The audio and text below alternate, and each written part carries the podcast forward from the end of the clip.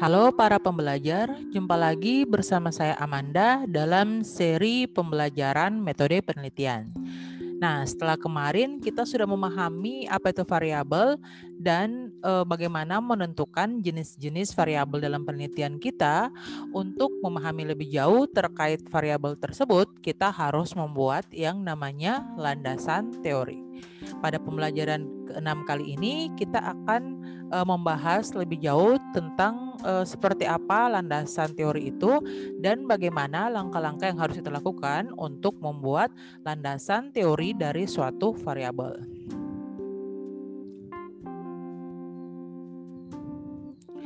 Uh, kita mulai dengan memahami pengertian apa itu teori ya.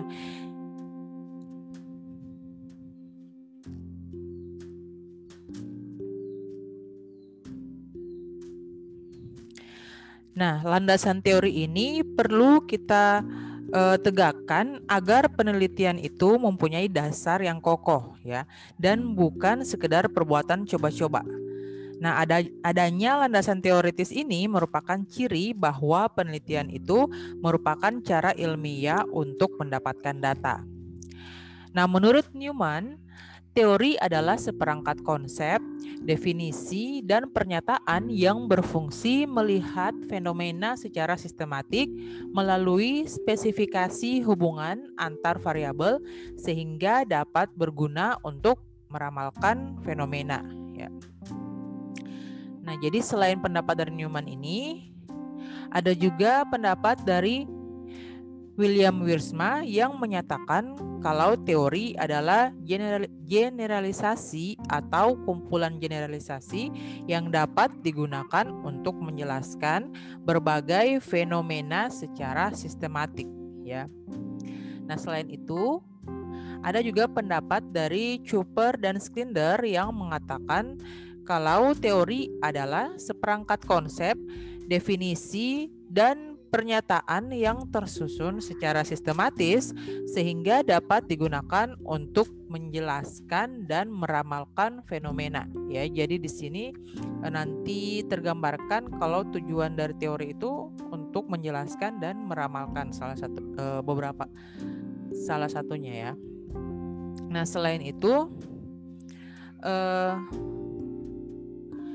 Haditono menyatakan bahwa kalau teori itu akan memperoleh arti yang penting jika ia lebih banyak dapat melukiskan, menerangkan dan meramalkan gejala yang ada ya. Jadi dari pemahaman ini eh, kalau misalnya suatu teori itu tidak bisa menerangkan atau meramalkan gejala yang mau kita teliti, berarti teori tersebut tidak cocok untuk kita masukkan sebagai penjelasan variabel yang kita punya.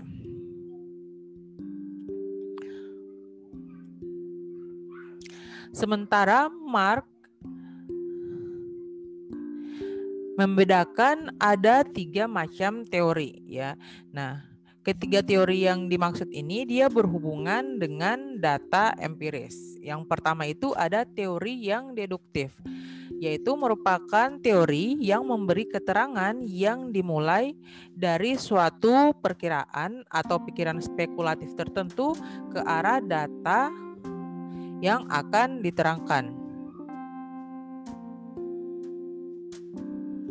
Atau yang seperti yang uh, pernah saya jelaskan, kalau yang dimaksud dengan deduktif itu berarti uh, polanya adalah dari hal yang bersifat umum ke hal yang bersifat khusus. Selanjutnya ada teori yang induktif ya.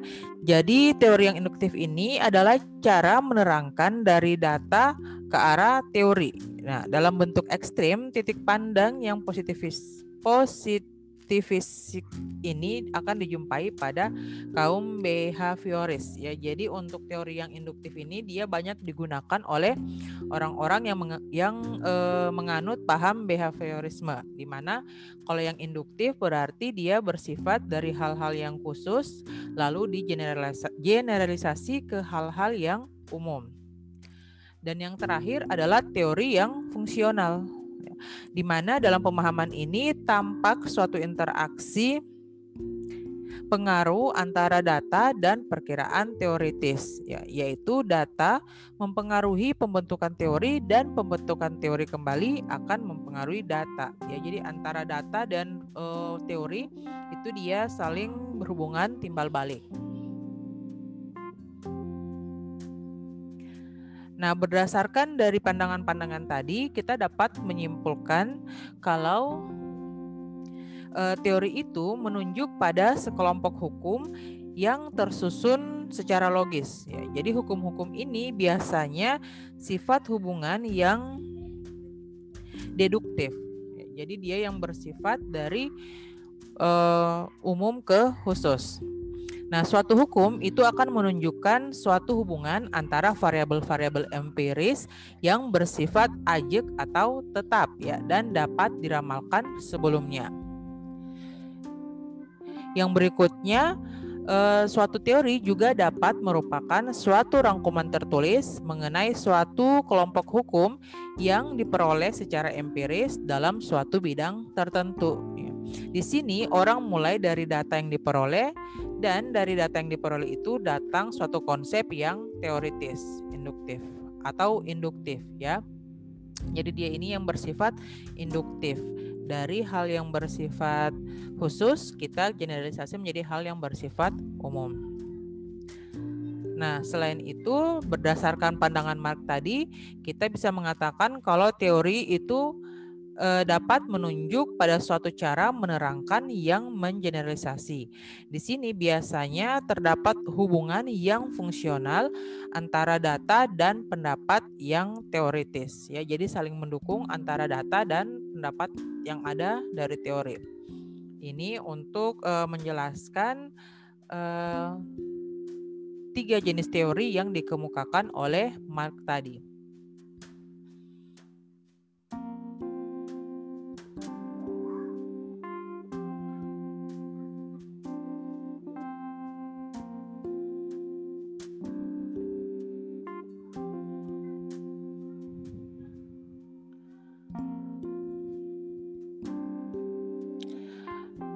Berdasarkan uh, apa yang telah kita sampaikan tadi, kita dapat menarik kesimpulan bahwa suatu teori itu adalah konseptualisasi yang umum, di mana konseptualisasi ini uh, merupakan sistem pengertian yang diperoleh melalui jalan yang sistematis, yaitu yang disebut dengan konseptualisasi. Nah, suatu teori harus dapat diuji kebenarannya. Jika tidak, dia tidak bisa dikatakan sebagai suatu teori. Oleh karena itu, teori harus mempunyai dasar yang empiris. Nah, selain itu, suatu teori juga dapat memandang gejala yang dihadapi dari sudut yang berbeda-beda. Ya, misalnya dapat dengan menerangkan, tetapi dapat pula dengan menganalisa dan menginterpretasi secara kritis ya atau menggambarkan secara kritis. Nah, teori kan merupakan alur logika atau penalaran. Nah, ya yang merupakan e, seperangkat konsep, definisi, dan pernyataan yang disusun secara otomat, e, sistematis ya. Nah, berdasarkan hal itu, e, secara umum kita dapat mengatakan kalau teori itu mempunyai tiga fungsi. Ya. Yang pertama adalah fungsi untuk menjelaskan, yang kedua fungsi untuk meramalkan, dan yang ketiga fungsi untuk pengendalian. Nah, misalnya kalau kita mau menjawab mengapa jika besi dipanaskan akan memuai, itu dapat dijawab dengan teori yang berfungsi untuk menjelaskan. Terus eh, jika besi yang dipanaskan sampai 75 derajat, bagaimana pemuaian pemuaian uh, yang tercapai. Itu bisa dijawab dengan teori yang berfungsi meramalkan. Selanjutnya uh, untuk melihat berapa jarak sambung rel kereta api yang paling sesuai dengan kondisi iklim Indonesia sehingga kereta api jalan kereta api nanti jalannya tidak akan terganggu karena sambungan tersebut uh, akan memuai berka akan memuai karena suhu panas itu bisa kita jawab dengan teori yang bersifat atau berfungsi untuk mengendalikan.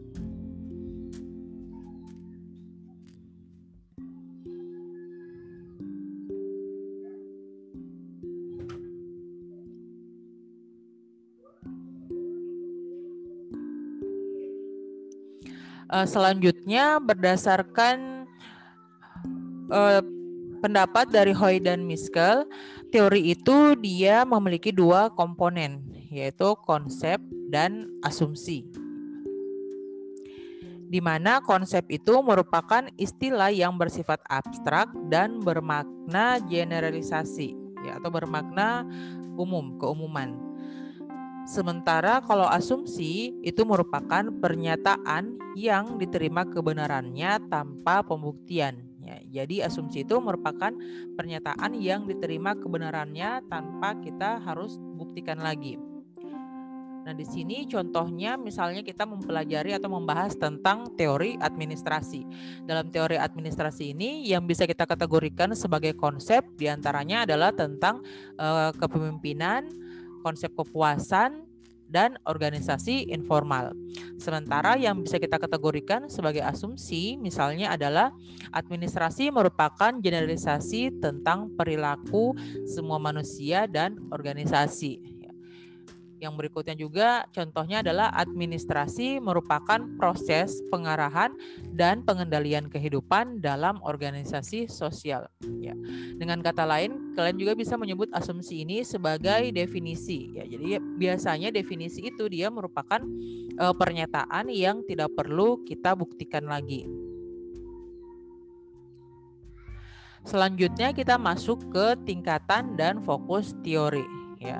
Ber, uh, menurut Newman, tingkatan teori itu ada tiga ya. Yang pertama itu tingkatan mikro level.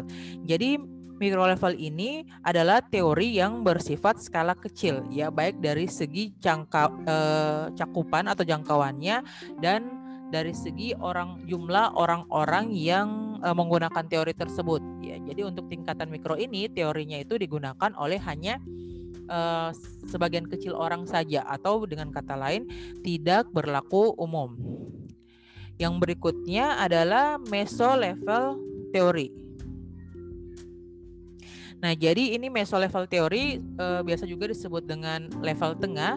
Level ini dia uh, teori pada level ini dia itu bertugas untuk menjembatani antara teori-teori yang ada pada mikro level dan yang ada pada tingkatan ketiga yaitu makro level.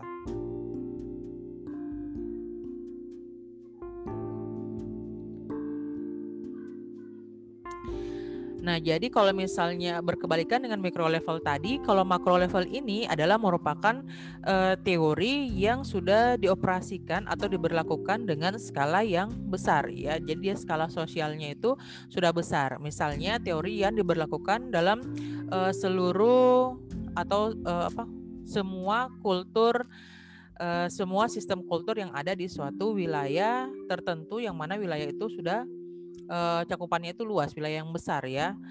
Dan juga berlaku untuk seluruh komunitas atau seluruh masyarakat secara umum. Nah, jadi karena dia berlaku umum, teori-teori yang bersifat makro ini dia merupakan uh, teori yang menggunakan banyak konsep yang mana konsep-konsep itu umumnya bersifat abstrak. Uh, selanjutnya berdasarkan pernyataan Newman juga ada yang namanya fokus teori ya. Jadi fokus teori itu dia terbagi tiga yaitu uh, substantif, teori formal dan middle range teori ya atau teori tengah.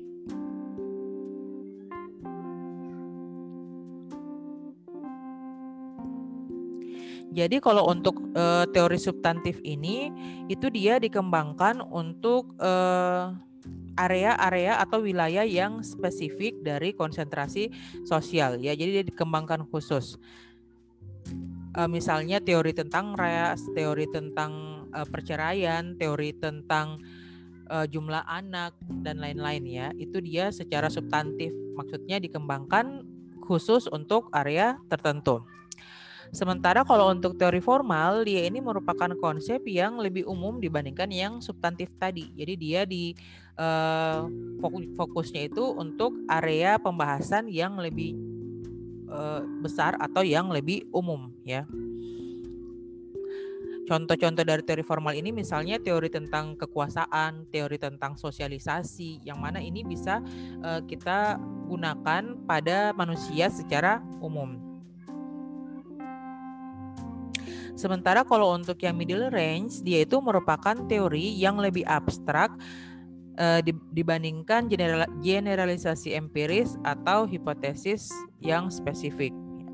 Jadi untuk yang teori middle range, yang middle range teori ini kita bisa uh, mengkategorikan dia bisa saja dikategorikan sebagai teori yang substantif maupun teori yang formal tergantung dari penggunaannya ya. Nah, sekarang kalau dalam kita merumuskan hipotesis untuk penelitian kuantitatif ini, teori seperti apa yang harus kita gunakan, uh, eh, fokus teori seperti apa yang harus kita ambil. Jadi, uh, teori yang digunakan itu untuk perumusan hipotesis yang akan kita uji melalui pengumpulan data, dia itu harus ad adalah teori yang substantif. Kenapa begitu? Karena teori ini harus lebih lebih fokus berlaku untuk objek yang akan diteliti. Jadi ketika kita mau uh, mencari landasan teori buat sebuah variabel, semakin substantif uh, teori yang kita dapatkan, maka itu akan semakin baik. Ya, sementara kalau semakin formal, maka dia itu akan semakin diragukan untuk uh, sebagai dasar kita menguji hipotesis yang kita ajukan.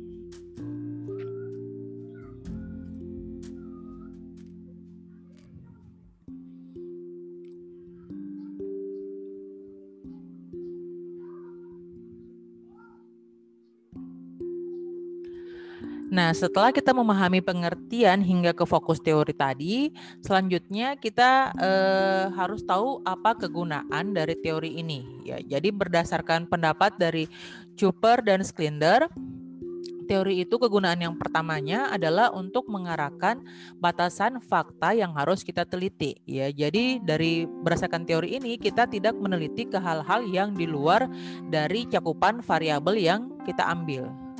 Ya. Yang kedua, kegunaannya adalah untuk mengarahkan pendekatan penelitian mana yang dapat menjawab perumusan masalah penelitian dengan maksimal ya. Jadi kalau kita memilih pendekatan penelitian, eh, kita akan mendapatkan bahwa penelitian kita ini cocok menggunakan beberapa pendekatan penelitian. Tapi dengan adanya landasan teori, kita bisa memilih pendekatan penelitian mana yang nantinya akan menjawab perumusan masalah yang sudah kita buat secara maksimal uh, selanjutnya kegunaannya adalah untuk mengarahkan sebuah sistem penelitian untuk memaksimalkan pengklasifikasian data dalam cara yang paling bermakna ya. Jadi nanti dalam setelah meneliti kita akan mendapatkan berbagai macam data. Dengan adanya landasan, landasan teori, data-data yang sudah kita ambil itu bisa kita kelompokkan sehingga uh, bisa kita gunakan uh, dalam menjawab rumusan masalah yang kita ambil. Jadi datanya itu tidak kita gunakan secara sembarangan ya. Sudah kita klasifikasikan oh data yang ini mau jawab rumusan masalah yang ini. Data yang ini dia mau jawab rumusan masalah yang ini. Jadi tidak asal-asal saja datanya kita gunakan. Kegunaan yang berikutnya adalah merangkum apa yang diketahui tentang tujuan penelitian dan menyatakan keseragaman yang terdapat dalam pengamatan langsung. Jadi kita akan punya e, banyak hal yang kita dapatkan ketika kita melakukan pengamatan langsung. Dengan adanya landasan teori, kita bisa mengambil kesimpulan atau rangkuman dari apa yang kita amati itu. Kita bisa melihat apa kira-kira kesamaan yang ada dari pengamatan kita. Nah, setelah dihubungkan dengan teori, oh kita bisa tahu yang ini ternyata hal yang umum yang bisa kita ambil dari pengamatan yang sudah kita lakukan. Yang terakhir, eh, kegunaannya itu adalah dapat digunakan untuk memprediksi fakta yang akan muncul dalam penelitian. Ya. Jadi kan sebelum kita melakukan penelitian, kita tidak tahu apa yang akan kita dapatkan di lapangan nanti.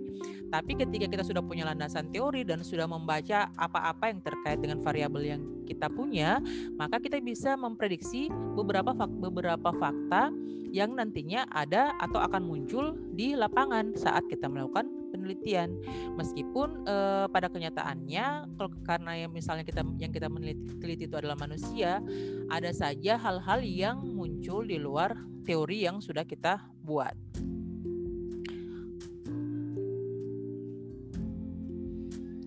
Oke, nah jadi semua penelitian itu dia e, bersifat ilmiah ya. Oleh karena itu semua peneliti harus berbekal teori ya. Jadi jangan sampai kalian menjadi peneliti yang uh, mengesampingkan uh, masalah teori ini. Khususnya dalam penelitian kuantitatif, teori yang digunakan itu harus sudah jelas. Kenapa? Karena teori di sini akan berfungsi untuk memperjelas masalah yang kita teliti, terus dia juga berfungsi sebagai dasar untuk merumuskan hipotesis kita nanti dan sebagai referensi untuk menyusun instrumen penelitian kita. Oleh karena itu, landasan teori dalam proposal penelitian kuantitatif harus sudah jelas dan e, lengkap ya. Jangan sampai kita punya misalnya punya tiga variabel penelitian, ternyata yang kita masukkan dalam landasan teori hanya untuk dua variabel itu tidak bisa ya. Jadi harus jelas dan lengkap. Nah, selanjutnya setelah kita sudah paham tentang bagaimana itu teori serta uh, apa tujuannya kita harus punya landasan teori. Sekarang kita lanjut ke langkah-langkah untuk e, mendeskripsikan teori. Nah, jadi e, deskripsi teori itu dalam satu penelitian merupakan uraian sistematis tentang teori ya dan bukan sekedar pendapat pakar atau penulis buku. Ataupun e, jadi dia ini bersih apa bukan hanya sekedar pendapat ya. Jadi ketika kalian menyusun uh, landasan teori, di sini kita bukan hanya langsung copy paste apa pendapat pakar dan penulis-penulis buku yang kalian ambil tentang teori variabel yang kalian punya ya. Selain dari uh, pendapat pakar dan penulis buku, kita juga bisa mengambil landasan teori dari hasil penelitian yang relevan dengan variabel yang diteliti. Nah, berapa jumlah kelompok teori yang perlu kita kemukakan atau perlu kita deskripsikan itu akan tergantung pada luasnya permasalahan dan secara teknis akan tergantung pada jumlah variabel yang diteliti. Ya, seperti yang saya singgung tadi, kalau kita punya tiga variabel, berarti teori yang harus kita jabarkan atau kita deskripsikan pada landasan teori harus e, minimal adalah memuat tiga variabel tersebut. Nah, Uh, jadi dalam jika dalam suatu penelitian itu terdapat uh, tiga variabel dan satu varia tiga variabel independen atau tiga variabel bebas dan satu variabel terikat, maka kelompok teori yang perlu dideskripsikan ada empat kelompok teori. Ya, jadi Uh, sehingga kalau semakin banyak variabel yang mau kita teliti, maka akan semakin banyak pula teori yang harus kita kemukakan. Ya, jadi hati-hati ketika menyusun uh, suatu penelitian, kalian semakin banyak variabel yang kalian mau angkat dalam penelitian kalian, berarti kalian harus semakin banyak membaca. Ya, jadi kalau kalian mau mendeskripsikan suatu teori, minimal itu harus berisi tentang penjelasan terhadap variabel yang diteliti. Ya, minimal itu harus ada definisinya. Definisi serta uraian yang lengkap dan mendalam dari berbagai referensi. Sehingga ruang lingkup kedudukan dan prediksi terhadap hubungan antar variabel yang mau kita teliti itu jelas dan terarah ya. Jadi makanya eh, sudah di saya singgung juga tentang variabel kemarin, semua hubungan antar variabel yang kita munculkan dalam paradigma penelitian itu dia harus berlandaskan pada teori ya, bukan berlandaskan pada asumsi kita pribadi.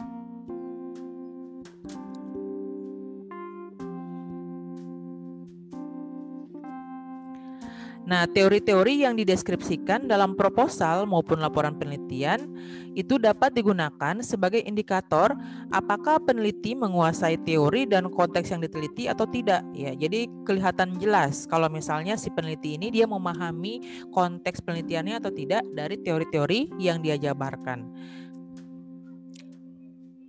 Jadi variabel-variabel penelitian yang tidak dapat dijelaskan dengan baik um, baik dari segi pengertian maupun kedudukan antar variabelnya menunjukkan bahwa peneliti tidak menguasai teori dan konteks penelitian. Nah, oleh karena itu untuk menguasai teori maupun e, memahami hubungan-hubungan yang ada antar variabel, maka peneliti harus rajin membaca ya. Jadi orang harus membaca, membaca dan membaca. Selain membaca, kalian juga harus menelaah yang dibaca itu setuntas mungkin agar e, dapat menegakkan landasan yang kokoh bagi langkah-langkah yang mau kalian lakukan dalam penelitian. Nah, jangan kalian pikir kalau membaca itu merupakan e, keterampilan bawaan yang dimiliki seseorang ya. Jadi membaca itu merupakan skill atau keterampilan yang harus kalian latih dan kalian pupuk ya. Jadi tidak serta-merta seorang bayi lahir dan suka membaca, tidak seperti itu ya. Nah, selain itu untuk bisa membaca dan memperoleh teori yang baik itu kalian tidak bisa juga membaca dari sumber-sumber yang asal-asalan ya. Di sini kalian harus tahu sumber-sumber e, bacaan yang tepat ya, baik berbentuk buku teks, kamus, ensiklopedia, jurnal ilmiah dan hasil-hasil penelitian. Nah, bagaimana kita tahu uh, sebuah sumber bacaan yang baik? Jadi sumber bacaan yang baik itu harus memenuhi tiga kriteria, yaitu ya yaitu relevansi, kelengkapan dan kemutakhiran. Nah, relevansi itu berkenaan dengan kecocokan antara variabel yang diteliti dengan teori yang dikemukakan. Eh, sementara kelengkapan itu berkenaan eh, atau berhubungan dengan banyaknya sumber yang dibaca dan kemutakhiran itu berkenaan dengan dimensi waktu. Makin baru sumber yang kalian gunakan dalam sebuah penelitian, maka akan semakin mutakhir teori yang kalian ajukan. Nah, setelah itu selain dari uh, buku tadi kita juga harus mencari teori dari hasil penelitian yang relevan ya. Nah, di sini hasil penelitian yang relevan itu bukan berarti sama dengan yang akan diteliti ya. Jadi bukan berarti judulnya sama atau variabelnya sama persis, tetapi masih dalam lingkup yang sama Nah, secara teknis, hasil penelitian yang relevan dengan apa yang akan diteliti dapat dilihat dari yang pertama, permasalahan yang kita teliti, yang kedua, waktu penelitian, yang ketiga, tempat penelitian, yang keempat, sampel penelitian, yang kelima, metode penelitian, yang terakhir, analisis dan kesimpulan. Ya. Nah, tapi e, ketika memunculkan penelitian yang relevan, tidak harus kelima hal ini terpenuhi. Bisa e, beberapa saja. Ya, contohnya itu misalnya penelitian terdahulu melakukan penelitian tentang e, tingkat penjualan jenis kendaraan bermotor di Sulawesi Selatan dan peneliti berikutnya meneliti di Sulawesi Tenggara. Jadi hanya berbeda lokasi saja.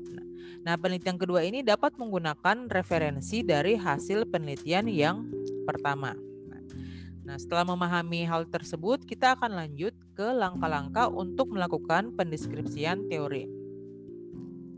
Yang pertama adalah kita tetapkan nama variabel yang diteliti dan jumlah variabelnya. Setelah itu kita cari sumber-sumber bacaan. Di sini bisa dari buku, kamus, ensiklopedia, laporan penelitian, jurnal, skripsi, tesis maupun disertasi. Ya, tapi yang lebih bagus itu kalian mengambilnya dari tesis dan disertasi. Kenapa? Kalau karena kalau apa karya tulis karya ilmiah yang dihasilkan oleh mahasiswa strata 1 eh, biasanya itu tingkat eh, kevalidannya itu masih diragukan ya. Nah, di sini kalian harus mencari sumber bacaan yang sebanyak-banyaknya dan yang relevan dengan setiap variabel yang kalian teliti. Nah, kalau sudah punya sumber-sumber bacaan itu, selanjutnya kalian harus lihat daftar isi setiap buku dan pilih topik yang relevan dengan setiap variabel yang akan diteliti.